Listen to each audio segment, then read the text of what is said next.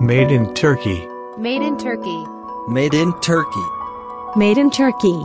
Made in Turkey. Made in Turkey. Made in Turkey. Selamlar herkese. Made in Turkey podcast'inin 5. bölümüne hoş geldiniz. Bugünkü konuğumuz Apps kurucu ortaklarından olan Erdem Lafçı. Yalnız Erdem Lafçı'yı tanıtmadan önce Doğan Akdağ'ı tanıtmak istiyorum sizlerle. Apps bir uygulama firması olduğundan bu bölümü Doğan Akdağ ile beraber yapacağız. Ve bundan sonraki bölümlerde de uygulamayla alakalı olanlarda Doğan Akdağ ile ilerleyeceğiz. Hoş geldin Doğan. Selam Levent. Doğan'ın oyun alanında e, yaklaşık 5 sene yakın bir deneyimi bulunmakta. Oyun ve uygulamalarla birlikte e, bu deneyimini artık e, Erdem'e sorularla aktaracak. Erdem'in bilgilerini, Erdemlerin deneyimlerini almaya çalışacak. Çok teşekkürler Levent bu arada davetin için. Ben de Erdem'le tanıştığım için bu görüşmenin öncesinde de öncelikle yine çok memnun oldum. Çok güzel bir muhabbet edebileceğimizi düşünüyorum. Aynen. Aynen. E, ben de katılımın için teşekkür ediyorum. Şimdi artık Erdem'e geçelim. Erdem yanımda bu arada. Biz şu an Bilkent Cyberpark'tayız. Erdem'lerin ofisinde. Gayet keyifli, güzel bir yer burası. Evet Erdem, hoş geldin. Hoş bulduk. Teşekkürler davetin için Levent. Ben teşekkür ederim katılımın için.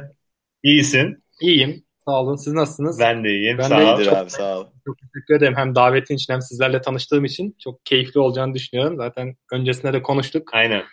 Çok güzel ilerliyor. Şimdi direkt ben muhabbete geçeyim. Erdem Lafçı öncelikle kimdir? Ne yapar? Ne eder? İnternette tabii çeşitli yazılar var ama senden duyarsak çok memnun oluruz. Tamamdır. Abi ben 2014 böyle uzatmalı falan mezun olacak şekilde Hacettepe Bilgisayar Mühendisliğinden mezunum.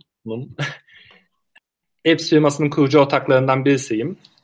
İşte birçok yerde çalışıyorum. Böyle birçok işler yapmaya çalışıyorum bir yandan. İşte çok aktif olmaya çalışıyorum. Hikayeyi anlatırsak böyle bizim bu şey kısmını işte ben 2008'de girdim Hacettepe Bilgisayar Mühendisliğine. İşte sonrasında sürekli aktif olarak bilgisayar mühendisi, her bilgisayar mühendisi olduğu gibi sürekli bir projeler falan geliştirip işte bugünlere kadar geldik. Yani bugün de şu an çok bir şey yaptığımız söylenemez de işte adım adım biliyoruz en azından. Hı hı. Bu şekilde benim Aynen. olayım. Kurulma hikayesine gireceğiz zaten hı. Ama bununla beraber herhalde e, bildiğim kadarıyla başka bir firmanız daha var. Baraka Tek adında. Evet. Oradan da yazılımla ilgili çalışmalar yapıyorsunuz. O Aynen. Baraka Tek'te de blockchain teknolojileri üstüne Hı. daha çok çeşitli yazılımlar geliştiriyoruz. Şu an blockchain yeni gelişen bir teknoloji. Evet. İşte o tarafta da çeşitli böyle keşiflerimiz, çeşitli teknolojik deneylerimiz falan devam ediyor. Aynen. Baraka Tek'le beraber de Apps ilerliyor. Evet. Peki Apps nasıl kuruldu? Apps'in kurulma hikayesi nasıl? Ee, abi Apps'in kurulma hikayesi biraz ilginç aslında böyle. Hı hı. Çok böyle bizim aklımızda işte girişimci olalım falan gibi şeyler yoktu. Apps'in kurulma hikayesi bizim mobil uygulama geliştirmeye başlama hikayemize dayanıyor aslında. Biz işte üniversitede öğrenciyken böyle işte 2009 yılında okulda bilgisayar mühendisliğinde sürekli işte Java lablar falan oluyordu vesaire. İşte biz de o lablardaki ödevleri yapıyoruz vesaire böyle ama yapamıyoruz bir yandan da. Hı hı. Zor geliyor falan. Böyle internette gezinirken biz Aa Android diye bir şey varmışı gördük. İşte Java ile yazılıyormuş, güzelmiş falan deyip böyle Android development'a başladık 2009 yılında. 2009'un sonlarına doğru. O sayede Türkiye'de de hiç kimse ilgilenen yoktu mobille doğru dürüst. Ankara'da özellikle. Çünkü işte Ankara'daki yazılım firmalarının çoğu ya kamuya iş yapıyor ya savunma sanayine iş yapıyor falan böyle. Mobil çok şey nasıl diyeyim dandik bir teknoloji falan geliyor henüz o yıllarda. Kimse daha uyanmamış. Ee, biz de başladık böyle. Hiç yapan olmayınca da biz bayağı kendimizi geliştirdik. Hem de gösterdik böyle bir yandan. İşte Ankara'da Google Developer Group'u ilk kuran ekibin içindeyiz. İşte o Google Developer Group sayesinde birçok yerlerde eğitimler vermeye başladık. İşte birçok freelance iş yapmaya başladık. Böyle o onun da Google Developer Group arasında birçok etkinlik de düzenlediğimiz için herkes bizi tanımaya başladı. Kim mobil uygulama yaptırmak isterse bize geliyordu. Google. Developer Group bu arada meşhur GDG. Evet GDG zaten. İşte biz Aynen. onu 2009-2010'da falan kurmuştuk. Şey, 2010'da mı sanırım? 2010'da kurmuştuk Ankara'da. Böyle işte sürekli projeler yapmaya başladık. Mobille ilgili her iş bize geliyordu bir şekilde mutlaka. Sonrasında biz tam mezun olmaya yakında bu sırada birçok işte kendimiz projeler deniyoruz. İşte birçok başarısızlık hikayesi de var o tarafta. Böyle saçma sapan uygulamalar yapıp çok para kazandığımız falan da oldu o dönemde. Çünkü böyle App Store, Google Play çok şey olduğu için, yeni olduğu için böyle ne yapsan zaten üst sıralardasın falan. Hiç böyle marketing falan yapmana gerek yok bir şey yok ilk yıllarında olduğu için. Ee, bizim sonradan şey oldu. Tam mezun olurken şey dedik. Ya biz bir de üniversitenin mobil uygulamasını yapalım. İşte böyle öğrenci kayıt olduğu, işte transkriptini gördüğü vesaire falan. Onu yaptık. Böyle hobi projesi. İşte 6 ayda falan bitti. Yani 2 gün kod yazıyoruz. Sonra 2 hafta hiç bakmıyoruz. Sonra bir daha başlıyoruz falan. Kaç kişi yapıyorsunuz orada? 4 kişiyiz bu arada biz. Hı hı. 4 ortak kurduk biz hepsi. Hı hı. Dördümüz de üniversiteden tanışıyoruz. Arkadaşlarız hepimiz. Hı hı. Üç ortak sınıf arkadaşıyız. Bir ortağımızla da bu Google Developer Group sayesinde, GDG sayesinde tanıştık. Ve sürekli dördümüz projeler geliştiriyorduk hep. Biz üniversite mobil uygulamasını yaptık. Sonra bir arkadaşımız dedi ki ya bunu rektöre gidip tanıtsanız da. İşte çok sever o böyle şeyler falan diye. Neyse gittik rektörden randevu aldık. Amacımız da şey böyle beklentimiz yani. Rektör satın alsın değil de işte tüm okula mail atsın. Öğrencilerimizin kullandığı biz okeyiz tamam yani hiçbir beklentimiz yok. Gittik rektör şey dedi. Abi biz bunu sizden satın alalım dedi. Çok iyi. Biz de tamam hemen nereye imzalıyoruz falan dedik doğal olarak. Ve sonra orada şey şirket kurma zorunluluğu çıktı ortaya. Yani zorunluluk değil de işte iki seçeneğimiz vardı. Ya bir şirket kuracaktık okul o fatura üstüne ödeyecekti bize veya işte okul bir şekilde işte Teknokent, TTO'nun üstüne falan bir şekilde bize para ödeyecekti. Biz de o aşamada şey düşündük. E, şirket kursak ne olur, kurmasak ne olur falan. Çünkü şirket kurma işleriyle de hiç alakamız yok yani böyle. Hiçbirimizin ailesinde de şey yok. Esnaf bile yok. Yani hepsi memur falan böyle. Ya da küçük esnaf. Böyle şirketleşme şeyimiz, tecrübemiz yok. Dedik ya kuralım ne olacak işte en kötü okulu bir sene uzatmış gibi oluruz. Zaten uzatmıştık bir sene daha uzatsak bir şey olmaz deyip o şekilde kurduk biz hepsi. Ve şey işte ilk okula sattık. Daha sonra birçok yere bu sefer zaten freelance işler yapıyorduk. Bu sefer daha yüksek hacimli işler yapmaya başladık. İşte en sonunda böyle artık savunma sanayine, enerji sektörüne çok böyle yüksek bütçeli, yüksek kalitenin ön planda olduğu böyle mühendislik proje, yani mobil odaklı yine tüm projelerimiz mobildi bizim. Mobil odaklı ama yüksek nasıl diyeyim yüksek riski olan ve kaliteli olması gereken projeler yapıyorduk. O sayede hepsi kurduk biz. 2014 yılında. Anladım. Aslında 2009 yılından başlayan bir serüven bu. Evet evet. 2000 Abi şey şey çok iyiymiş ya. Yani, yani şirket olmadan siz ilk ürününüzü aslında ya- şirket olmadan sattınız. Hani girişimcilerde hep bir şey vardı ya şirketi ne zaman kuralım, ne zaman kuralım. Aslında ilk ürünü satma aşamasında geldiğinde kurmak belki de en güzeli oluyor. Aynen aynen. Faturaya ihtiyaç duyduğunda kurmak en Aynen. iyisi. Çünkü şey rektör de böyle el altından parayı veremez ki ya o da tabii. Evet, evet okuldan çıkartması lazım onu bir şekilde. Aynen aynen. Çok iyiymiş. Bundan sonra oyuna başlama süreci nasıl oldu? Çünkü şey bahsettiğin süreçte şu an hep böyle işte yüksek firmalara işte Hı hı. savunma sanayine yaptığınız gelişmeleri aktardın. Aynen. E, şey nasıl geldi yani? Oyun süreci nasıl başladı? Oyun süreci de şöyle başladı. Şimdi bizim oyunla hiç alakamız yok. Yani oyunu oynuyoruz falan herkes gibi. Ama böyle çok oyun geliştirmeyle alakamız yok. Çünkü oyun geliştirmek çok zor bir iş. Ee, yani işte onun kurgusu, tasarımı vesaire falan böyle milyon tane iş var. Bizim işlerimiz hep işte Havelsan geliyordu bize. Benim şöyle şöyle bir mobil uygulama ihtiyacım var diyordu. Biz onu iyi bir şekilde geliştirip teslim edince tamam problem çözülüyordu. Şimdi oyunda böyle yoktan bir şey geliştirip yapıyorsun sonra insanların onu sevmesini sağlıyorsun falan bize çok zor geliyordu. Ee, İstanbul'dan bir müşterimiz bizim daha önceden ona çeşitli mobil uygulama yaptığımız bir tane oyun istedi bizden. Oyun geliştirir misiniz falan diye. İşte biz önce yok falan dedik yani biz şimdi hiç oyuna bulaştırma bize. Biz bu tarafta iyiyiz zaten dedik. Neyse ona yaptık bir oyun sonra anlaştık bir şekilde. Yaptık bir oyun sonra dedik ki "Aa ya fena da değilmiş aslında oyun geliştirmek deyip. Ee, sonrasında kendimiz bir oyun denedik. Kelime oyunu. Güzel Master adında. Yani böyle işte YouTube'da fenomen olmuş videolarla ilgili bilgi yarışması oyunu tarzı bir şeydi.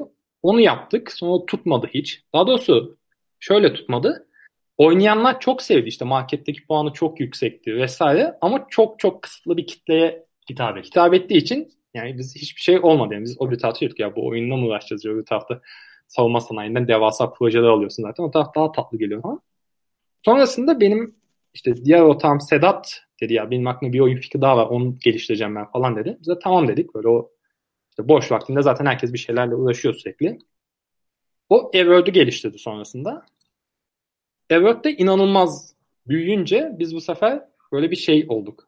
Oha oyun tarafı çok zevkliymiş ya. İşte böyle o kurumsallardaki işte yok işte kendini ispat etme, sonra projeyi yapma, o projenin kabulü, işte projeyi teslim ettim paranı alma süreci falan gibi stres hiç yok yani mükemmel. Kendi kendine işliyor zaten burası. falan deyip sonrasında oyuna döndük tamamen diğer işleri bırakıp ama o süreç çok sancılı geçti. Çünkü B2B mobil uygulama yapan bir firmadan oyun stüdyosuna evrilmek çok zor. Çünkü içerideki tüm roller değişiyor, herkesin görev tanımı değişiyor, yeni şeyler öğrenmek zorunda kalıyorsun falan. Öyle bir süreç oldu yani çok sancılıydı bizim için. Hala da devam ediyor hatta o geçiş süreci Hı hı. bir yandan. Yani bu şöyle ayırabiliriz Apps'in hikayesini. İşte 5 yıl oldu şu an. Bunun işte 2,5-3 yılı kurumsal işler. Son 2 yılı da oyun tarafında ilerliyor. Anladım. Aslında o zaman e, Everword'un çıkışı ortağının tamamen kendi projesine yönelmesiyle çıkan e, yani şansa mı diyebiliriz artık nasıl diyebiliriz artık e, vahiy mi diyebiliriz? Şansa yani çünkü şey biz hiç oyun geliştirmeyi bilmiyordan, bilmiyorken Everword'u yaptık. Böyle bir şey stratejimiz de yoktu. Ya kelime oyunu yapalım o taraftaki pazar daha iyi falan gibi ya da işte şöyle bir oyun yapalım değil. Yani biz Everword'u yaptık. Everword tuttuktan sonra biz game design ile UI design'ın farklı şeyler olduğunu fark ettik olan. Evet. Ama, ama şey süpermiş. Yani aslında a, ortağın hani bunu yaparken de yine zaten bunu apps'in içinde yapar, Evet, hani ke- ke- yani yaptı. O bence e, hani çok ilginç de bir yandan. Çünkü hani takım içerisinde yine bir side proje olsa bile aynı takımla ilerlemek. Orada o zaman sizin aslında yani çok birbirine a, güvenen, birbiriyle çalışmaktan keyif alan bir takım olduğunuzu ben anlıyorum şahsen. Aynen abi o çok önemli dediğin. Yani hepimiz şeyin farkındayız yani. Tek başımıza bir şeylere başlamak çok zor. Evet. cidden. Yani, tamam yani ufak çapta bir şeyler yapabiliyorsan onu büyütmek için vesaire yani yanında birilerine ihtiyacın var. Hem yeteneklerine, zekasına güvendiğin hem de diğer cidden güven anlamında sana o rahatlığı sağlayacak Evet. kişiler. Onun farkında olduğumuz için biz hep zaten işte 5 yılda da 4 ortak devam ediyoruz. Ha, süpermiş. Abi ben de dün bir YouTube videosu izledim de yine bir e, oyun girişimcisi işte YouTube'a röportaj veriyordu ve takımı gösteriyordu ve şey demişti aslında röportaj yapana. İşte oyun yapmak aslında düşündüğünüz kadar zevkli değil he, falan dedi böyle. Hani siz onun tam aslında an- anti do- dozu mu derler hani e, tam e, zıttısınız çünkü oyun yapmanın aslında düşündüğünüzden daha keyifli olduğunu gördünüz yaparken. Öyle ama şu an mesela o kadar da keyifli değilmiş diyor. Şey işler büyüyünce tabii şey artıyordu Aynen yani. işler bir çok bambaşka dertler çıkıyor ortaya. Evet. Süpermiş. Peki bu Ever'de o zaman biraz daha girelim.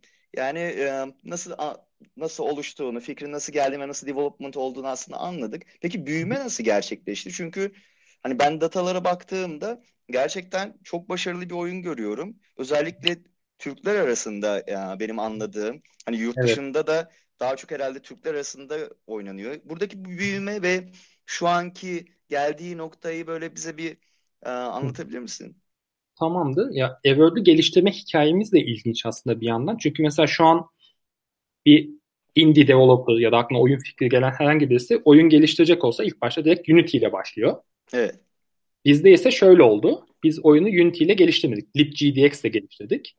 Defa niye? Aynen.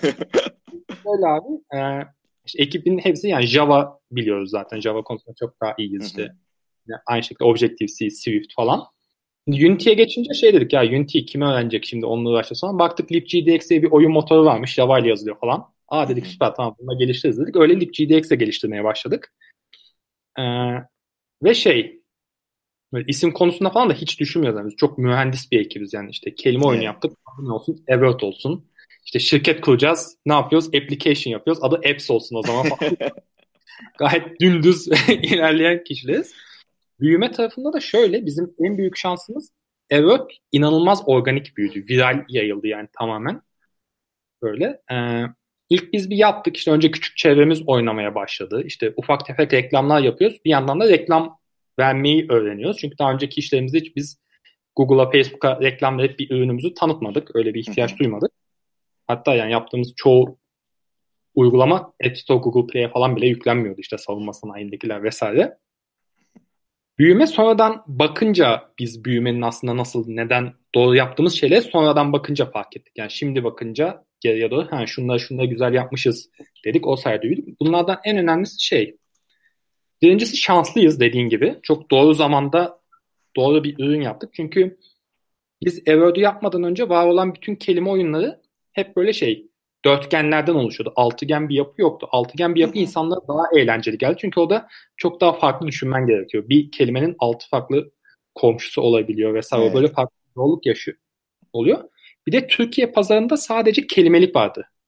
Hı hı. Başarılı ke- kelime oyunu olarak. Kelimelik de böyle Scrabble'ın aynısı zaten. Karşılıklı Aynen, oynadık. aynen farklıydı evet. Bizimki single player bir oyundu. Ee, ikinci en önemli şey de biz e, bölümler için çok kafa patlattık. Yani inanılmaz derecede mesai harcadık development'tan daha çok.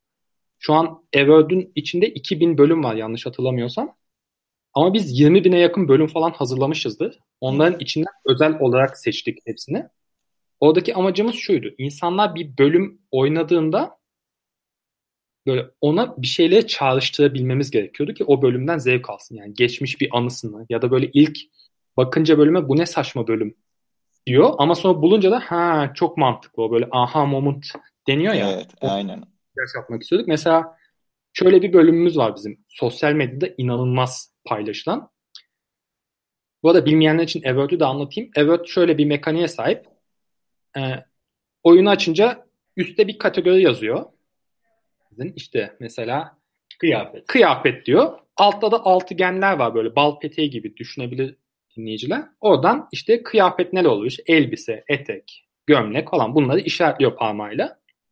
Mesela şu bölümümüz bizim çok popülerdi. Kırılan şeyler.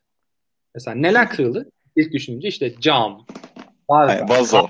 vazo. Ama o da kalp var mesela. O da kalbi gören Evet, ya da işte unutulan şeyler. Mesela ne unutuluyor? İşte anahtarlık, cüzdan, telefon, insanlık var orada.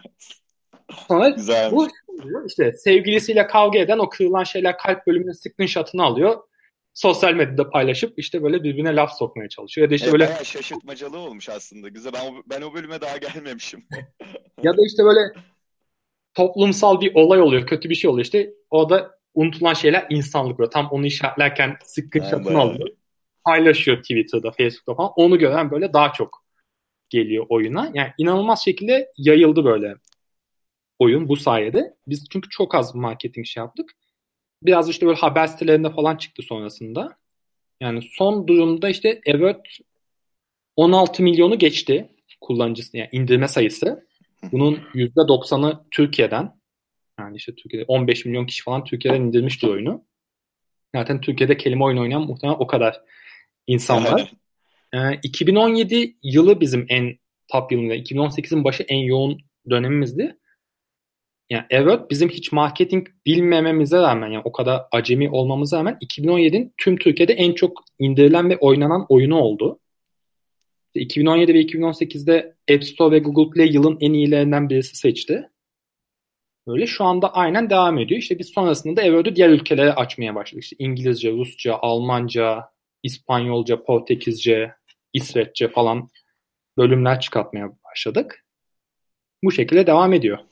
Peki e, level design, şimdi level çok önemli dediğin için hani orayı biraz daha açalım. Yani takımda level design'a sadece kafa yoran birisi var mı? Hani title level design olan yoksa oyun kolaborasyon e, şeklinde mi ilerliyor? Ee, Şöyle ilk başta biz kendimiz buluyorduk bölümleri. İşte böyle bir Hı hı. geldi bir 400-500 bölüm falan biz kendimiz bulduk.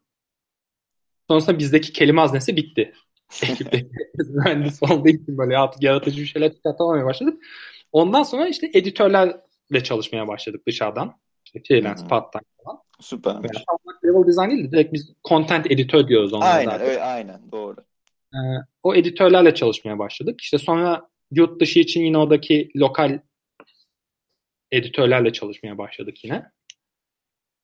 Öyle, o şekilde ilerledik. Aslında aynen bir de, bir de onu soracaktım. Sonuçta kelime oyununda lokalizasyon ya inanılmaz önemli. Hani e, Evet. birinci kural hatta.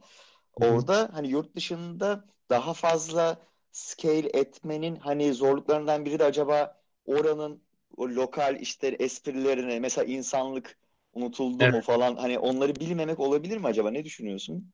Olabilir çünkü şey yani biz işte native speaker'larla şey yapıyoruz sonuçta. İşte İspanyolca için İspanyol birisiyle Evet. çalışıyoruz. Zaten. Çünkü bu tercümanla falan hiç olacak bir şey değil. Onu denedik çünkü çok kötü sonuçları oldu. Tabii. Google Translate'ten farkı olmayabilir onun. Aynen. Yani o da şey yani lokal editörlerle çalışıyoruz ama yine istediğimiz gibi olmuyor. Çünkü kadar yani biz sonuçta şey editörden gelen bölümler de bizim bir kontrolümüzden geçiyor sonuçta. Hı hı. Böyle orada aynı aynı kaliteyi yakalayamadık maalesef. Tabii. Onun Hı. farkındayız. Bir çözümünü de bulamıyoruz. İşte alternatif birkaç editör birden çalışıyor bir yandan. Onun Evet. yaptığını o kontrol ediyor, onun yaptığını o kontrol ediyor. İşte bir yandan arka tarafta kendi sistemimizi kurduk. Hangi bölüm ne kadar seviliyoryu takip ediyoruz. İşte Hı hı. hangi bölümde daha çok kullanıcı oyunu terk ediyor. Ona bakıp ona göre ha bu oyun sevilmedi demek deyip o bölümü değiştiriyoruz falan. Böyle ama şey zor dediğin gibi yani normal oyunların bile localization çok zor. Yani işte EA Games'in falan devasa bir localization ekibi var mesela Madrid'de. Hı hı. Böyle kelime oyunlarında çok daha önemli. E tabii. Belki de o ya, şöyle rekabet açısından baktığımızda da aslında Türkiye özelinde bu size bir avantaj olarak e, gelmiştir. Çünkü hani yayından önce de konuştuk Wordscapes gibi işte onun da hatta bir iki tane daha böyle büyük rakibi var dünyada. Çok yani yüz milyonlarca kullanıcıya ula- ula- ulaşmış kelime oyunları var ama Türkiye'de yani sizin elinize e, su dökebilen yok sonuçta. Aynen öyle. Yani şu an yani biz yaptıktan sonra Türkiye'deki kelime oyunu pazarı da çok fazla büyüdü. Birçok Türk kelime oyunu da çıkmaya başladı Hı hı. doğal olarak. Çünkü herkes ha, kelime oyunuyla da aslında güzel paralar kazanılabiliyormuş ya da çok kullanıcıya ulaşılabiliyormuşu gördü. Evet. Kelime oyunu şöyle bir şey. Ee, büyük oyun firmaları kelime kategorisine girmiyor. Çünkü onlar için çok küçük bir şey alan. Ya da girse bile işte İngilizce yapıyor sadece. Amerika ve İngilizce konuşanların pazarını elde etmeye çalışıyor. O yüzden böyle iyi bir contentle Türkçe kelime oyunu yapınca ya da işte iyi bir content Arapça kelime oyunu yapınca o bölgede çok popüler olunabiliyor. Mesela Evert İsveççe'de çok iyi oynanıyor. Çok fazla kullanılıyor. Çünkü şey dünyadaki hiçbir oyun firması İç, İsveçliler için kelime oyunu yapmamış. Bu yapmamış çok ilginç. Aslında King'in bile orada en büyük ofislerinden biri Stockholm'da ve e, İskandinavya oyun cenneti, developer cenneti ama sıra gelmemiş belki de dediğin gibi. Ya gelmemiş çünkü yani, yani King'in çünkü yapabileceği çok fazla şey var, alternatif var yani. Yani biraz böyle büyük firmalar olunca tabii dediğin gibi hani karar vermede aa, öncelikler biraz değişebiliyor. Bu da aslında indie developerları çok iyi bir avantaj olarak yansıyabiliyor. Bir daha ben orada bir şey e, sormak istiyorum. Hani burada aa, benim piyasadan gördüğüm kelime oyunlarının önemli bir artısı retention rate. Özellikle long term retention dediğimiz yani uzun vadeli oyuncuların aa, hala geri gelmesi çok yüksek diye görüyorum. Bu sizin Evet. oyunda nasıl? Bizim oyunda da öyle. Bizim en büyük problemimiz ve en çok böyle aldığımız tepki yeni bölümler ne zaman gelecek tepkisi. Aynen, kızgın kullanıcı diyorsun. Aynen. Çünkü bizde bir kullanıcı kön ediyorsa yani oyundan oyunu siliyorsa bırakıyorsa Tabii artık umurunda olmaz. oyun bittiği için Evet. oluyor. Ha, o- Yani- süper. Ee, ya şey var yani bizde böyle 9,5 saat aralıksız oynayanından tut böyle işte böyle bir yıl boyunca telefonda oynayıp devam eden sırf vitesiye kadar yavaş yavaş bitirip silip yani oyunu şöyle yorumlar falan geliyor yani. Bölümler bitti. Oyunu sildim. Baştan yükledim. Bir daha bitirdim. bir daha bitirdim. Hala yeni bölümler Çok iyi, geldi. bu çok iyiymiş. Ama işte ya boş, hani o Google Play'de yılın ödülü vesaire demek boşuna gelmemiş çünkü onlar da bütün o datalara sahip olduğu için o session'dır işte review'dur vesaire. Bayağı. Ve şey, yani bizim o yani şöyle aslında evet olarak diğer kelime oyunlarının ayrıştığımız noktada şu. Mesela biz de oyunun içine böyle 5000 10 bin tane bölüm koyabilirdik. Böyle aynı bölümü tekrar tekrar sorabilirdik. Onu çok özelleştirmek istiyoruz. Yani Her bölümde farklı bir şey çıksın kullanıcının karşısına ki merak etsin, bir şeyi çağrıştırsın ona. Böyle e, kendini daha zeki hissetsin bir yandan. Çünkü yani kimi yerlerde işte ömründe bir kere duyduğu kelimeyi de soruyoruz. Veya şöyle şeyler de çok fazla geliyor. Kelimelerin doğru yazımını bilmiyoruz mesela bazı kelimelerin yanlış biliyoruz. Kullanıcı oyunda bunu öğreniyor. O yüzden daha da mutlu oluyor. Aa işte diyor kelimenin yazılımını doğru öğrendim sayenizde diyor. Veya ona tepki gösteriyor. Sonrasında biz cevap verince aa evet haklısınız doğru yazılımı öyleymiş diyor. Bu sayede oynamaya devam ediyor. Böyle yani çok fazla şey vardı bizde. İşte ilkokul, ortaokul öğretmenleri ofise mail atıyordu. Telefonla arıyorlardı falan işte. Biz sınıfta oynatmak istiyoruz ama mesela şöyle bir feedback öğretmenden gelmişti. Ondan sonra bu özelliği ekledik. Ben geçtiğim bir bölümü tekrar oynamak istiyorum. Çünkü sınıfımdaki öğrencilere oynatmak istiyorum o Güzel bölümü. diye bir feedback gelmişti. Biz ondan sonra öyle bir özellik ekledik. Çok iyi. Tekrar oynayabiliyorsun artık Hı. falan diye. Böyle gelişti yani bizim o taraf. Süpermiş. Şimdi birazdan magazin köşesi olacağız olacak. Bunu da ilk defa deneyeceğiz aslında. Ondan önce ben bir teknik soru e, sana sormak isterim. Bu hani dataya bayağı il, hani ilgili olduğunu zaten e, görüyoruz. Hani işte takip ediyorsunuz, oyunu sonuçta geliştirirken çok kullanıyorsunuz. Burada hangi altyapıları kullanıyorsunuz? Hani işte genç oyun geliştiricilere aslında biraz da böyle yol göstermek için e, nasıl tool'lar tavsiye edebilirsin? Abi şöyle burası işin en zor kısmı aslında. Ee, yani biz de zaten sürekli yeni öğreniyoruz şu an. Yeni bir şeyleri. İşte yani oyun geliştirmenin en zor yanı hani bu şimdi sen de biliyorsundur çok yakından bunu da dinleyiciler için söyleyeyim. Bu hani buzdağı metaforu olur ya işte buzdağının bir görünen küçük yüzü olur altta devasa bir şey. Aynen. oyun sektörü için inanılmaz geçerli bir şey. Evet. Böyle yani arka planda çok fazla kullanman gereken teknoloji var. Çok iyi analizler yapman gerekiyor. Ve çok zor bir şey bir yandan da. Ee, biz ilk başta bilmediğimiz için işte sadece klasik işte Google Analytics, Firebase falan Hı hı. standart bir mobil uygulamada ne yapıyorsak onu yapıp ondan analizler yapmaya çalışıyorduk. İşte tek baktığımız işte retention ve işte daily active user falandı. Böyle çok Hı hı. Game Metrics 101 falan şeklinde şeylere bakıyorduk. Sonra işte işler ilerledikçe daha çok detaya inmemiz gerekti. Biz bir yerden sonra artık kendi analitik tool'umuzu yazdık. İşte onun Süpermiş. üstünden analizleri yapmaya başladık. Genç yani yeni başlayanlar bu işinin zaten şu an biraz daha oturdu yani neler kullanması gerekiyor. İşte Game Analytics olsun, Aynen. Facebook Analytics olsun vesaire onlar zaten direkt başlangıçta Unity'de yeni proje açtığında hemen eklemen gereken şeyler artık. İşte sonra işin marketing tarafı girdiğinde attribution tool'lar devreye geliyor. İşte orada işte Adjust olur, AdFlyer olur, farklı farklı birçok alternatif var. Ama işte bir yandan da bunlar pahalı tool'lar. Böyle hemen kullanamıyorsun çünkü Tabii. amacından para kazanman lazım. Yani astarı, yüz- astarı yüzünden pahalıya gelebiliyor o tool'lar için. Kesinlikle yani kullan download edildikçe zarar edebilirsin yani. Aynen. Diğer yandan işte işin monetization kısmı var. Yani biz oyunu ilk başta yüklediğimizde böyle yaptığımızda ilk 6-7 ay sadece tek bir reklam ağı vardı. Şeyi bile bilmiyorduk yani farklı reklam ağlarını eklemeyi falan bile hiç düşünmemiştik. Sonradan ekledik farklı reklam ağlarını. Sonra farklı reklam ağlarını ekleyince gördük ki bunun bir de mediation'ını yapmak gerekiyormuş. Aynen. Mediation'da şöyle anlatabiliriz böyle en basit haliyle. Oyununuzda birçok reklam ağı var. İşte Google reklamları var, Facebook var, Unity Ads var, farklı farklı. Birçok reklam ağı var diyelim. Bir kullanıcıya reklam göstereceği zaman hangi reklam, hangi ağın reklamı gösterirsin? Hangi bu büyük bir problem mesela. Mediation tool dediğimiz şey o an bakıyor hangi reklam sana daha çok para kazandıracaksa onun reklamını gösteriyor aslında. Evet. O da başlı başına bir problem. Böyle çok tool var yani aslında. İşte şu an şunları yapmaya çalışıyoruz biz. Zaten böyle o ilk Death Valley'i geçen oyun firmalarının tamamının yaptığı şey. İşte kendi analitik tool'umuzu geliştirdik. Onun üstünden çeşitli analizler yapıyoruz. İşte işin biraz daha böyle data science ve işte machine learning tarafında işte churn prediction'lar, işte LTV prediction'lar yapmaya başlıyoruz ki biz daha işte ilk birkaç günden bu kullanıcıdan ne kadar para kazanabiliriz görelim veya bu kullanıcı oyundan ne zaman çıkacak bunu tespit edebilelim ki dolayısıyla o kullanıcı özelinde stratejiler geliştirebilelim. De bunlara uğraşıyoruz.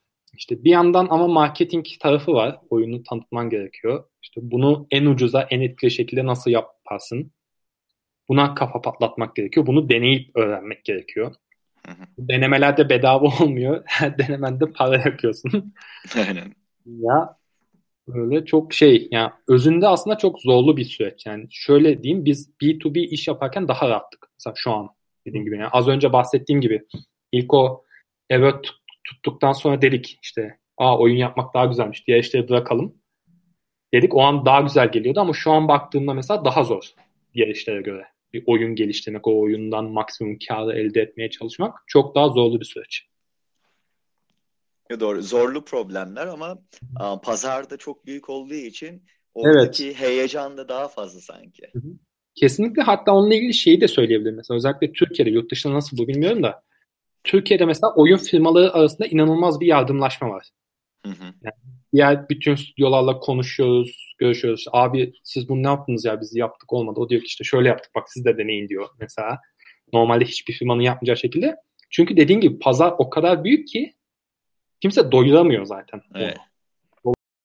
olay yok ya bu bilgiyi ben saklayayım da sadece ben kullanayım diye bir şey yok. Kendi kullansa da zaten yine kendine bağlı ne kadar kazandığı aslında. Aynen. Ya aslında Ankara'da o bakımdan e, bayağı iyi bir yer diye hep duyuyorum. Umarım ben de ziyarete geleceğim. E, Orada Yani hatta eyvallah şey e, sizin çalıştığınız yer ne- ne- neredeydi? Bilkent'teyiz biz. Bilkent Cyberpark. Bilkent'teydi. Ha, Cyberpark aynen. Zaten bu teknoparklar vesaire de Evet.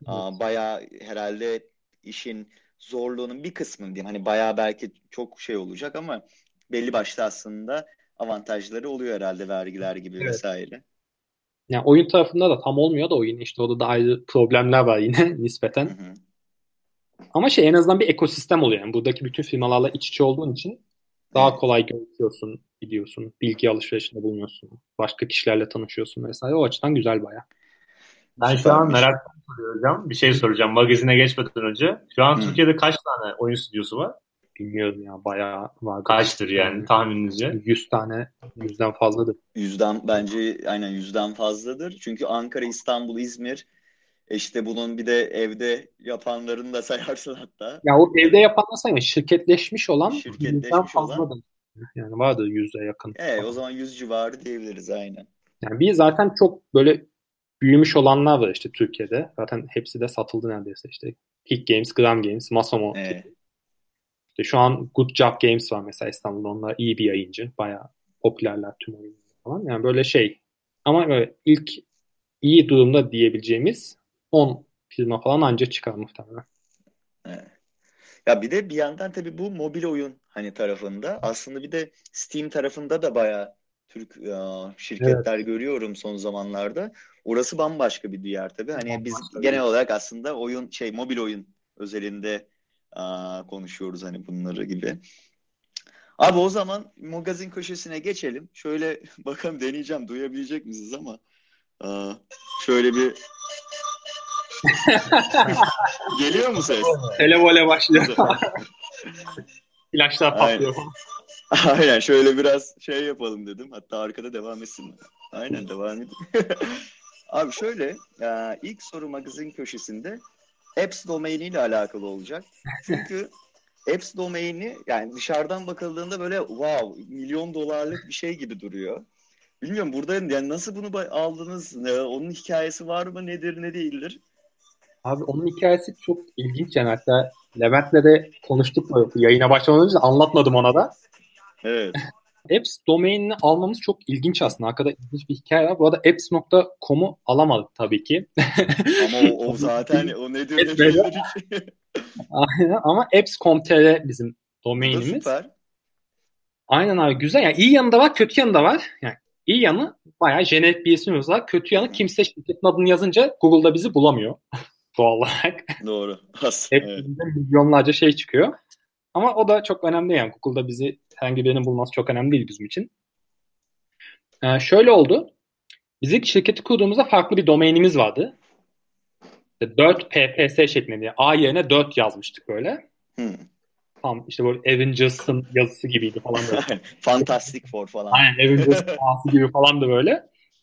Ee, Apps.com.tr'de doluydu. Başkasındaydı ve şey yapıyordu. Apps.com.tr üstünden böyle mobil uygulama tanıtımı yaptığı bir sitesi vardı. Hı.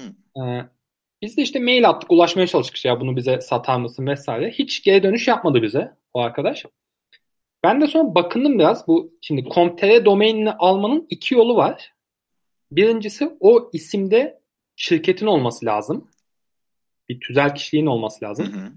Ya da o isimde bir işte markan, patentin falan olması lazım. O markayla başvuru. Hı, dava açıp falan hatta başkasından bile alabiliyorsun. belki. Aynen. Başkasından bile alabiliyorsun. Bu Apps.com.tr'yi alan kişi de zamanında marka başvurusu yapmış Apps için. Hı hı. Ama şöyle bir şey yapmış. Apps için bu işte marka başvurusunda böyle birçok çeşitli kalemler var işte. Teknoloji bazında işte başka şeyler işte tüm endüstriler özelinde böyle farklı farklı onlarca belki yüzlerce marka şey var.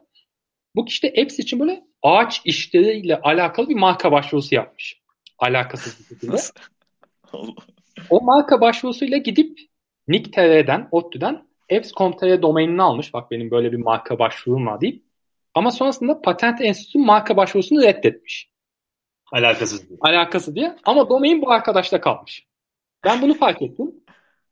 Gittim Nick.tr'ye işte dedim bak bu domeni böyle vermişsiniz de bu marka bu kişide değil reddedilmiş. İşte şu an domeni zaten markasına markası ağaç ile domaini apayrı bir şeyde kullanıyor. İşte bak bizim şirketimiz Apps Bilgi Teknolojileri adımız bu falan dedim.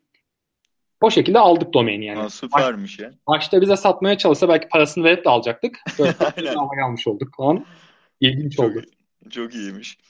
Ama dediğin gibi zaten aslında en nihayetinde hani bir oyun firması olarak ya Google'da sizin e, şirket adının en en ön planda çıkmasının aslında çok da size bir artısı eksisi yani olmaması gerek en nihayetinde oyunların adı aslında aa, çok çok daha önemli.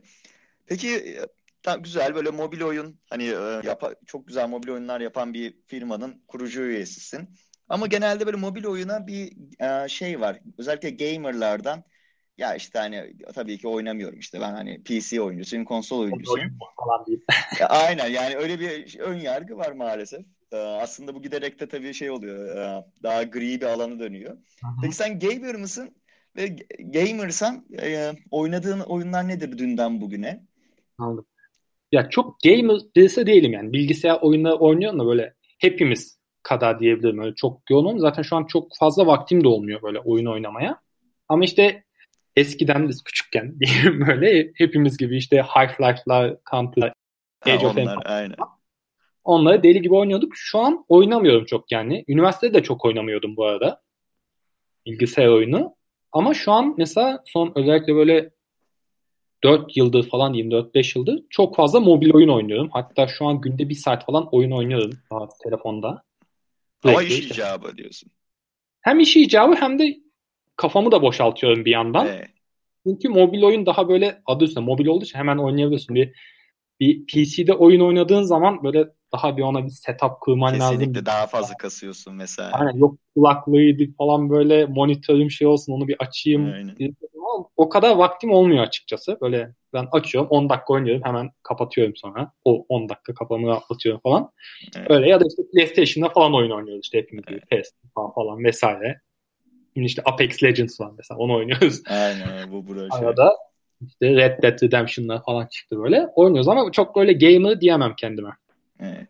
Ya bizim Mobilde sektörün Aynen. Bizim sektörün herhalde en güzel yanlarından biri işte bir saat ve kafa boşaltmak için hem oyun oynarken hem boşaltıyorsun kafanı hem de bir yandan aslında bir bilgi de ediniyorsun. Rakipler ne yapıyor vesaire, pazarda ne oluyor. Bizim ofiste herkes mobil oyun oynar böyle gün içinde. Hiç gidip bir şey diyemiyorsun yani.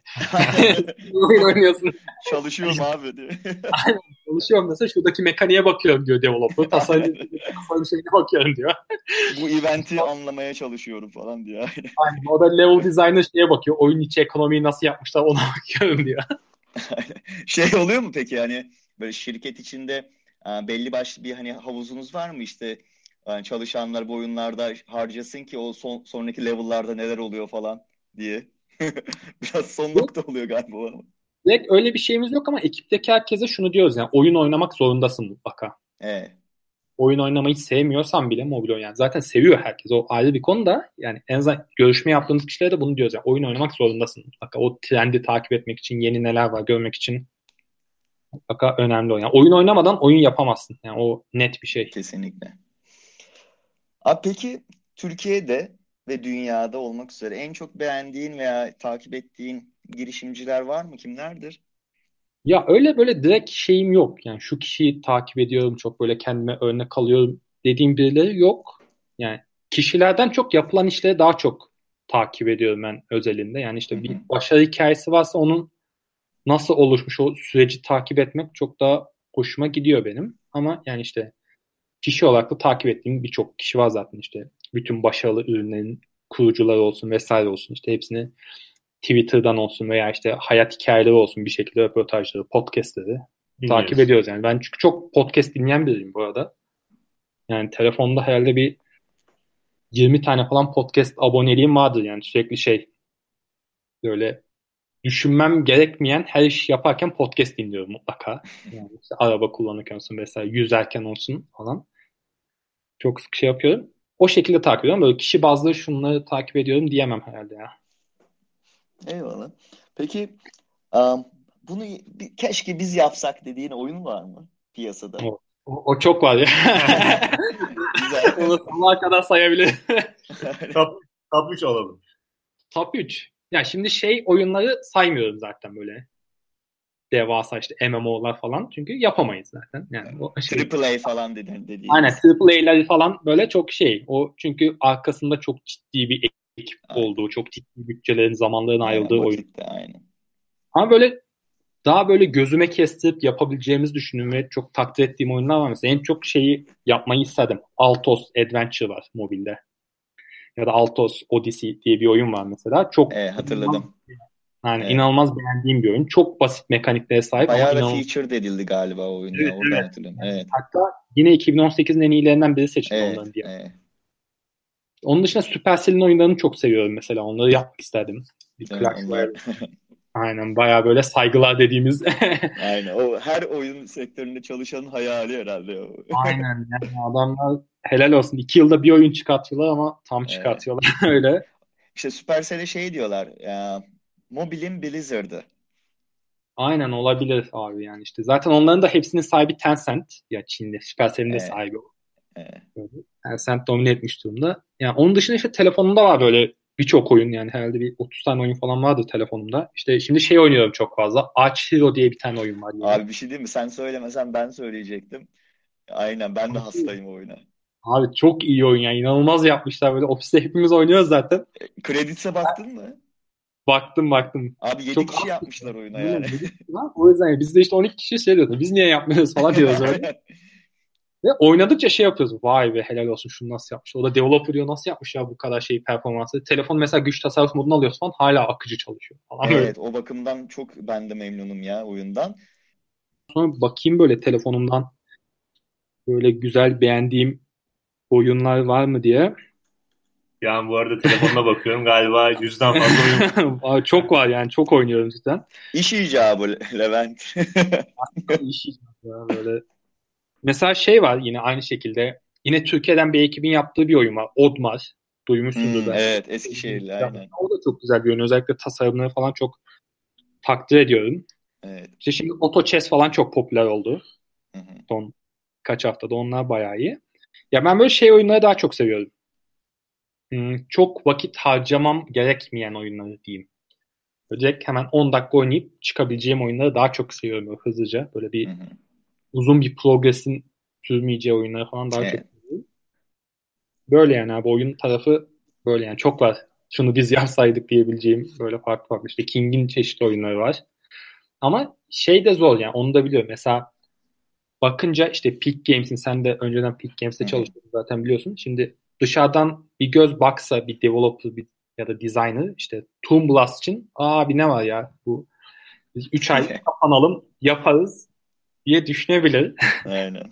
Yapar da bakınca yani ön yüzde çok bir şey yok çünkü Evet. böyle ama işte onu yaparsın ama o başarıya ulaştırmak çok bambaşka bir olay. Yani o da çok inanılmaz farklı metrikler giriyor devreye, farklı yani yetkinlikler, uzmanlıklar devreye giriyor.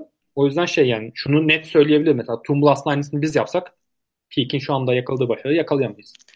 İş sadece o oyunu develop etmekle bitmiyor.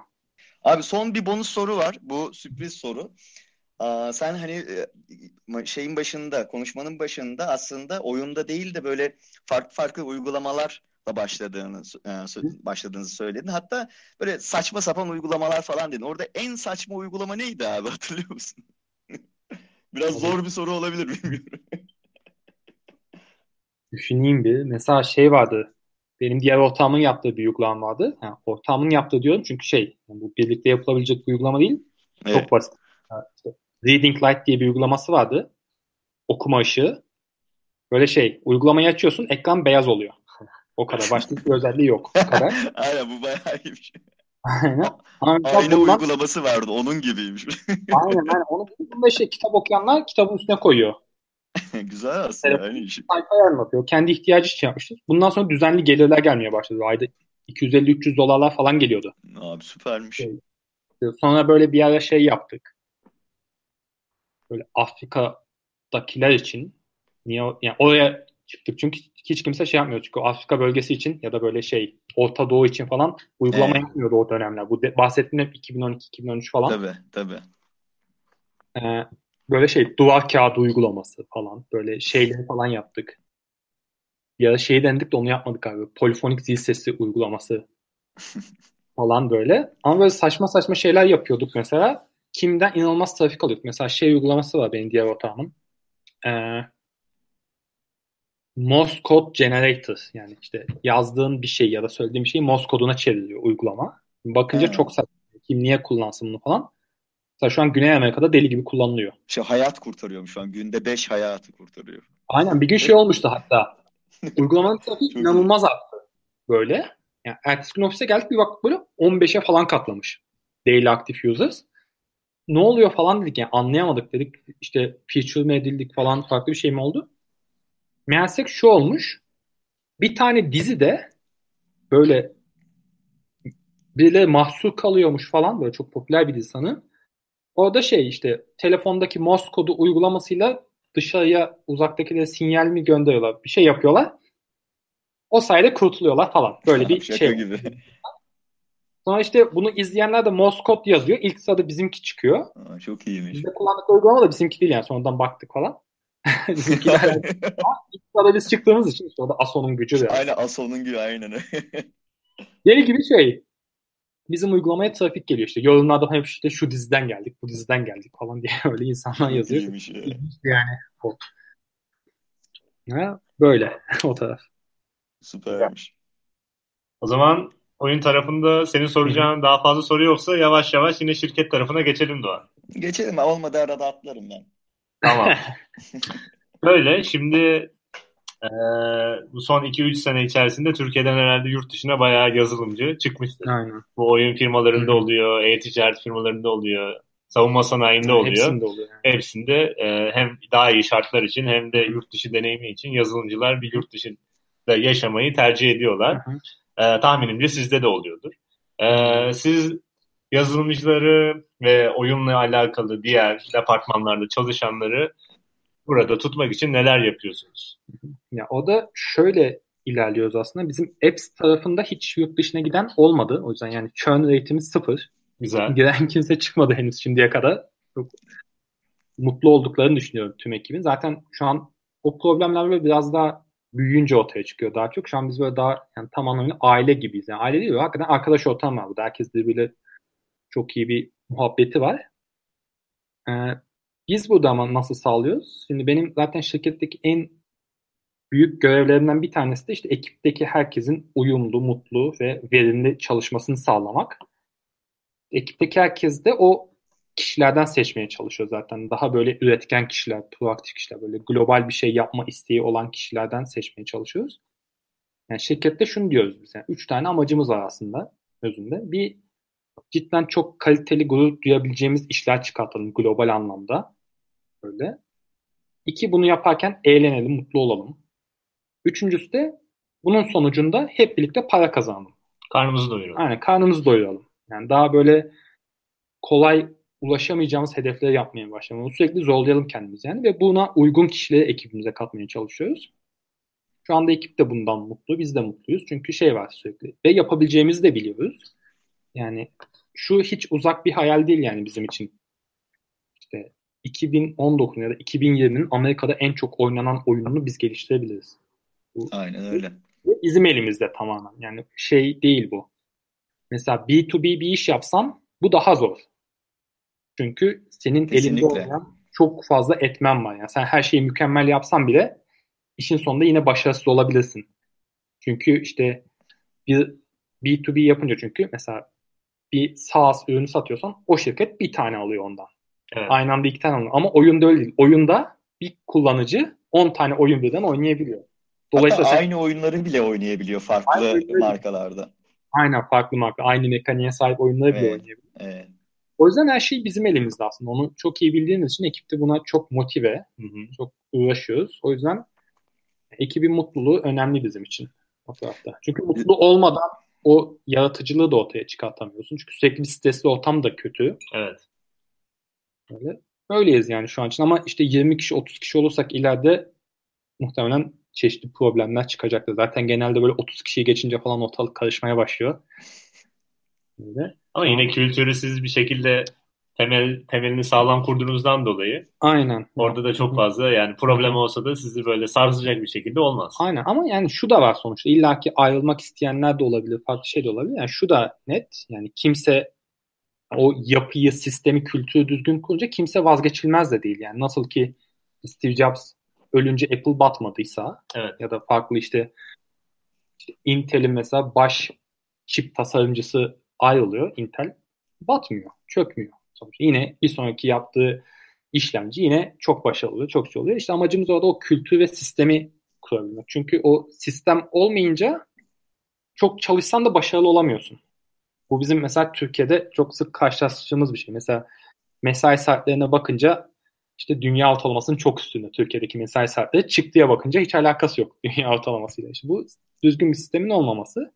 Ülkede böyle bir sistem yok. Biz en azından kendi içimizde şirketimizde o sistemi düzgün oturtabilsek, o kültürü oturtabilsek başarılı olabiliriz diye düşünüyoruz. Evet. Tamam. Ee, şimdi aslında zaten soracağım sorunun cevabını az önce aktarmış oldun. Yani e, benim merak ettiğim yakın zamandaki projeler neler? Eps'in işte yakın zamanda yapmak istedikleri neler? Çünkü burada bir Word oyununda çok güzel bir başarı hikayesi var. Yaklaşık işte bahsettiğin 16 milyondan fazla şu an kullanıcınız bulunmakta. Ve e, yeni oyunlar arka tarafta nasıl gelişiyor? Şu an aklınızdaki oyunlar neler ve hedefler neler? Hı hı. Aslında bunu öğrenmek istiyorum ama sen Tamam. biraz işte Amerika'da en fazla indirilen oyunlardan biri olmak şeklinde aktardın. Aynen. O aslında direkt doğrudan bir hedef değil aslında. Çünkü ona bir anda ulaşamıyorsun. Onun Evet. öncesinde aşman gereken başka şeyler var. Amacımız şey şu an işte hızlıca oyun geliştiriyoruz sürekli. Sürekli yeni oyunları deniyoruz. Ama işte dediğim gibi sadece oyunu geliştirmek de yetmiyor. Arka tarafta o düzgün bir data analiz yapısını kurman lazım. İşte kullanıcılarını iyi tanıman lazım vesaire gibi çok teknoloji var geliştirilmesi gereken. Bir yandan da onu geliştirmeye çalışıyoruz. Yani biz aslında şu an şey e, daha nitelikli bir oyun stüdyosu olmaya çalışıyoruz. Yani Hı. tüm kaslarımızı güçlendirebildiğimiz mesela bizim development kasımız çok güçlü. Buna güveniyoruz kendimize ama işte marketing kasımız o kadar güçlü değil. Onu geliştirmeye çalışıyoruz. Arkada data science tarafımız o kadar güçlü değil. Onu geliştirmeye çalışıyoruz. Böyle. Çünkü o şey hepsini iyi yapman gerekiyor ki cidden başarılı bir şey olsun. Amacımız ise sürekli yeni konseptler deneyip işte bunları başarılı hale getirmek. Bir yandan da tüm oyunların aslında ne kadar başarılı olup olmadığını da ölçebilmek. Çünkü ölçümleme çok önemli. İşte az önce de sana demiştim yani ben oyun geliştirme işine başlamadan önce şey sanıyordum. Böyle oyun bunu deyince kızanlar da oluyor da gerçi düşüncem değişmedi hala. Belki Doğan da hak verir bana. Böyle oyun geliştirme çok tasarımsal böyle işte ilham alman gereken, yaratıcılığını kullanman gereken bir iş olarak görüyordum. Hı hı. Ama şimdi bakınca diyorum ki oyun işi tamamen data ve matematik üstüne dönüyor yani. Hı hı. Evet, özellikle mobil oyunda e, %100 katılıyorum. Aynen yani o o kısmı çok iyi yapmak gerekiyor. Yani çünkü şey sen böyle çok çığır açan inanılmaz yeni bir mekanik, yeni bir tasarım yapsan bile arka tarafta kullanıcını iyi tanımazsan, Hı hı. o data analizini düzgün yapmazsan başarılı olma şansın çok düşük. Yani biz Evert'te bunu yaptık, başardık ama şanstı bizim için ve Türkiye'de başardık. Yani bunu Amerika'da yapamazdık bunu. İstediğimiz kadar şanslı olalım. Yani öyle bir şey bulmak böyle lotoyu tutturmak gibi bir şey böyle çok düşük bir ihtimal. Yani hep şey örneği verilir işte Flappy Bird. Evet. Yani o şey oldu. Evet. Aa, dünyada bir daha olmaz yani olamaz. Ona zaten biraz şey de var bu e, hani konspirasi teoriler de var işte acaba e, bir mark şey miydi PR çalışması mıydı daha hatta böyle bir yandan o app'in içerisinden işte backdoor mu açıyordu vesaire Android'de veya iOS'te vesaire. Olabilir Böyle- ben şeyi bile düşünüyorum ya. Sırf böyle Apple'ın falan yaptığını bile düşünüyorum. evet indileri Sırf böyle şey yapmak için. insanlara bak hepiniz yapabilirsiniz Aynen. hadi hepiniz uygulama geliştirin falan Hmm. demek için olabilir. Çünkü Var, şey çok söylentiler var evet. Çünkü yani şeye bakıyorum şimdi başarılı olmuş oyunlara bakıyorum hepsinin aksine ciddi bir emek var böyle yani aklıma bir şey geldi hemen iki günde oturdum şey yaptım gibi bir olay. Çünkü dediğim gibi bir problem çözmüyoruz biz. Bu app tarafında olabilir. Evet. Yani app tarafında sen çok güzel bir to-do list uygulaması yapabilirsin bir tane developer tek başına oturup. Çünkü to-do listin tasarımının mükemmel olmasına gerek yok. Hakikaten oradaki güzel bir şeyi çözüyorsan bu çok kolay yayılabilir, çok doğru kullanıcıya ulaşabilir ama oyun öyle değil işte. O yüzden şey, tüm kasları güçlendirmek gerekiyor. Anladım. Siz de şu an data ve marketing tarafındaki Aynen, kaslarınızı an güçlendirmek için vakit harcıyorsunuz ve arkasından da zaten onlar güçlendiğinde çok daha güzel projeler yapacağınızı Onlar güçlenince işte bu sefer development kasımızı biraz daha güçlendirelim. Game Evet. design'ı biraz daha işte hepsine, hepsine çalışıyorsun. Sabah birine, akşam birine, öğlen birine çalışıyorsun sürekli. Abi orada bir tek şey diyebilirim. Ee, hani kelimelik daha doğrusu kelime word game janrasında tabii yurt dışında büyümek çok daha challenging, çok daha zor ama Evet. aa, hani dil agnostik olan janralarda işte özellikle hyper casual'da zaten bizim de Türkiye'den gördüğümüz gibi çok başarılı şeyler çıkabiliyor. Orada yani aa, ben eminim ki siz de güzel şeyler yapacaksınız. Ben e, yakın çok yakından takip edeceğim şahsen. Vallahi sağ ol. Yani biz de işte sadece kelime denemiyoruz. Yani bir ayağımız kelime deniyor sürekli ama onun dışında farklı konseptler de deniyor. Bakalım bir tanesinde yakalayacağız o rakamları. Süper süper. Şimdi aslında ilk başta bunu aktarmamız gerekiyordu. Yani Apps şu an e, aslında bootstrap, bootstrap bir firma. Aynen. Yani kendi yağında kavrulan bir firma. Yani siz hiç buraya yatırım almadınız. Yok almadık. Peki Alamadık e, da. devlet, e, devletten bir destek aldınız mı? Aldıysanız oradaki süreç nasıl ilerledi ve onlara olan yaklaşımınız? Devletten destek aldık. Biz bolca aldık hatta. Orada da şöyle. Şimdi yatırım hiç almadık, ihtiyaç duymadık. Çünkü bizim hiç paraya ihtiyacımız olmadı özel, özünde. Çünkü genelde startuplarda şöyle oluyor. Bir iş modelin, iş fikrin oluyor. Onu hayata geçirmek için ve ya sonrasında marketingini yapmak için bir bütçeye ihtiyaç duyuyorsun. O yüzden yatırım alıyorsun. Biz ilk başta çıkış noktamız zaten müşteriye iş yapmak olduğu için ben zaten şirketi kurmadan satışımı yapmıştım. Parasını alıyordum veya işte savunma sanayine bir iş yaparken diyordum bak bu işlem bu işte yazılım işte geliştirmesi 3 ay sürecek. İşte ben ilk ay şu kadar peşinat alırım sana sonrasında şu kadar alırım falan diye. Zaten hep sürekli kendi kendimizi döndürüyorduk. Oyunu da ilk başta hep o diğer taraflara yaptığımız işler şey yaptı. Fonladı. Zaten oyun firmalarında da şöyle bir şey var. Yani yatırım alan oyun firması çok az. Çünkü oyun firması başarılı bir şeyler yapamıyorsa yatırım alsa da yapamıyor. Hı hı. Parayla yapılabilecek bir şey değil. Başarılı bir şeyler yapıyorsa da zaten bir şekilde para bulduysa yatırım olmasa kendini fonladıysa ya da bir publisher'a gittiyse zaten yatırıma ihtiyacı olmuyor sonrasında başarılı bir şey bulunca. Biz de şu an o konumdayız yani hiç yatırım almadık. Devlet desteği aldık. Özellikle şey zamanında diğer işleri yaparken. O süreç sancılı bir süreç ama orada da ben hep şunu tavsiye ediyorum. Devlet desteği alan herkese işte böyle TÜBİTAK'ta vesairede falan da mentorluk yapıyorum. Yani o devlet desteğine başvuracaksınız girişimciler. Sonra desteği unutacaksınız. Hiç yokmuş gibi. Sonra devlet size bir ara para ödeyecek. Kabul Ne kadar alırsanız. süre sonra? Önemli değil ne kadar süre. Yani bir sene sonra para gelecek. size, Aa para geldi diye sevineceksiniz. Yani o açıdan güzel oluyor ama ben o devlet desteğine göre iş planımı yapayım falan derseniz batarsınız yani çok net. Batan çok var çünkü öyle. Evet anladım. Yani o yüzden başvurup unutacaksınız işte para gelecek. Aa para geldi deyip sevineceksiniz. Hadi bu parayı marketinge harcayalım diyeceksiniz falan. Anladım. Güzel. Orada da deneyimini aktarman güzel oldu. Ee, son soru. Ondan sonra senin aktarmak isteyeceklerin varsa onları e, duymak isteriz. Ve Doğan senin söylemek istediklerin varsa ekstradan. Tabii ki. Şimdi e, yolun başındaki oyun ve uygulama geliştiricilere tavsiye. Yani şu an aslında işte çok sayıda uygulama belki gün içerisinde App Store'a yükleniyordur. Ben sayısını bilmiyorum. Tabii sizin daha iyi hakim olduğunuz bir konu. Çok Ve- Onu biz de bilmiyoruz. Aynen. Yani, yani bayağı sayıda app yüklendiğinden insanlarda bir Çok. şey var. Ee, belki de işte bazı kişilerde buradan işte güzel para kazanılır. İşte buradan gelecek para ben buradan hızlı bir şekilde köşeyi de dönebilirim zihniyeti var. E dönenler de var çünkü. Ama yani bu herhalde e, daha böyle App Store'un e, ve Play Store'un daha çok popüler olmadığı dönemlerde yani bir uygulama yaptığında hızlıca üst sıralarda Aynen. çıktığın dönemlerde olanlar. Aynen öyle. Şu an orada bir tamamıyla marketing bütçesi ayar marketing bütçesi lazım. lazım, Aynen. gerekiyor.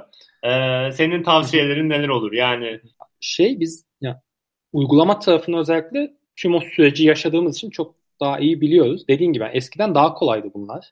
Yani eskiden Apple sizi feature ettiği zaman tamamdınız yani.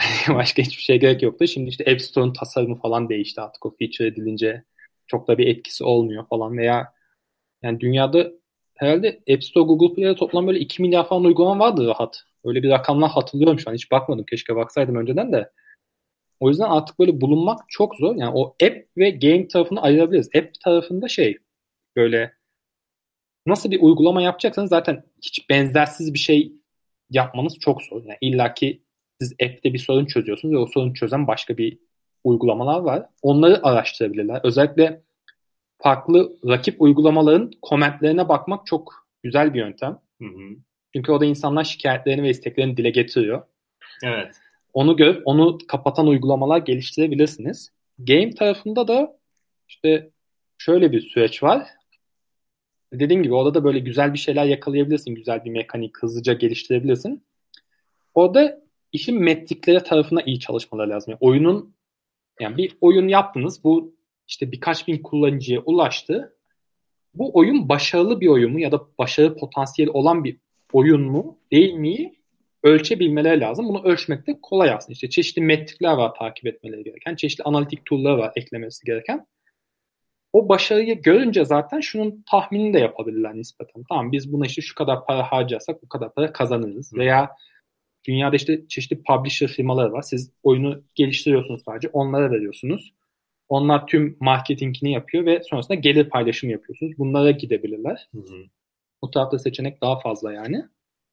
Bu yani öncelikle şey sürekli öğrenmek gerekiyor. Yani sürekli Google'a how to ile başlayan cümleler yazıp böyle sürekli bu nasıl yapılıyor, bu nasıl yapılıyor diye öğrenip ilerlemek gerekiyor. Şey yok çünkü böyle gizli bir formül yok. King'de bile yoktu yani hiçbir oyun firmasında. Çünkü zaten öyle gizli bir formül olsa şunu şunu yapınca kesin oyun tutuyor veya başarılı olmasın.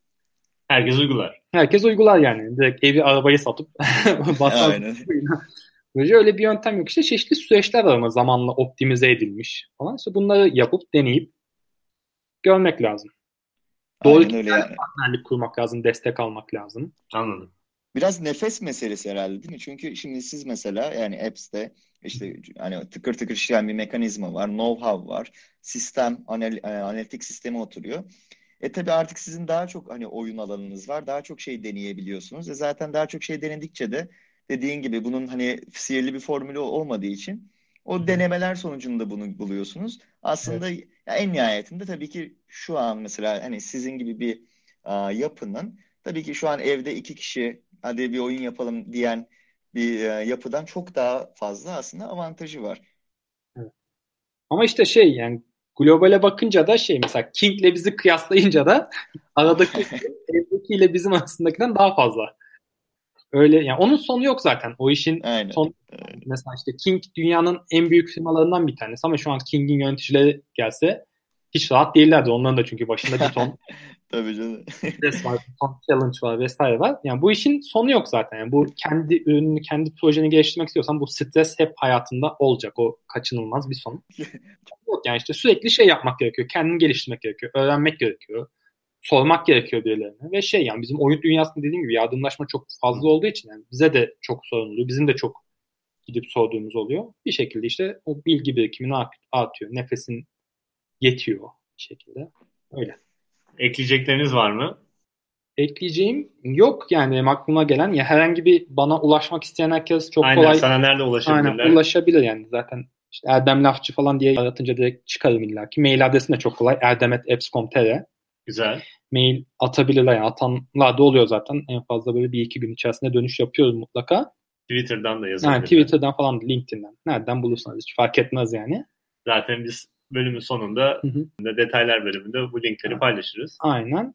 İşte onun dışında çok teşekkürler davet ettiğiniz için. Yani daha şu an devam etsek ederiz. 200 saatler konuşuyoruz muhtemelen. Aynen. O zaman katılımınız için teşekkür ediyorum. Aynen. Ben teşekkür ederim davetiniz için. Ağzına sağlık Erdem. Çok güzel. Ağzına sağlık Erdem aynen. Magazin bölümü de gayet keyifli oldu Doğan. Bakalım devamı gelir umarım. Devamı gelir devam. Sen çağırdıkça yaparım ben, ben de. Devam ederiz. ee, tekrardan ağzına sağlık. Podcast bölümü içerisinde geçen linkleri zaten description bölümünde de aktarıyor olacağım. Oradan siz de detaylara ulaşabilirsiniz. Herkese sevgiler, iyi akşamlar. Bu arada artık sizin de fark ettiğiniz gibi bir jingle'ımız var. Jingle'ın yapımında emeği geçen Özgür Abacı'ya teşekkürlerimi sunuyorum. Ellerine sağlık Özgür.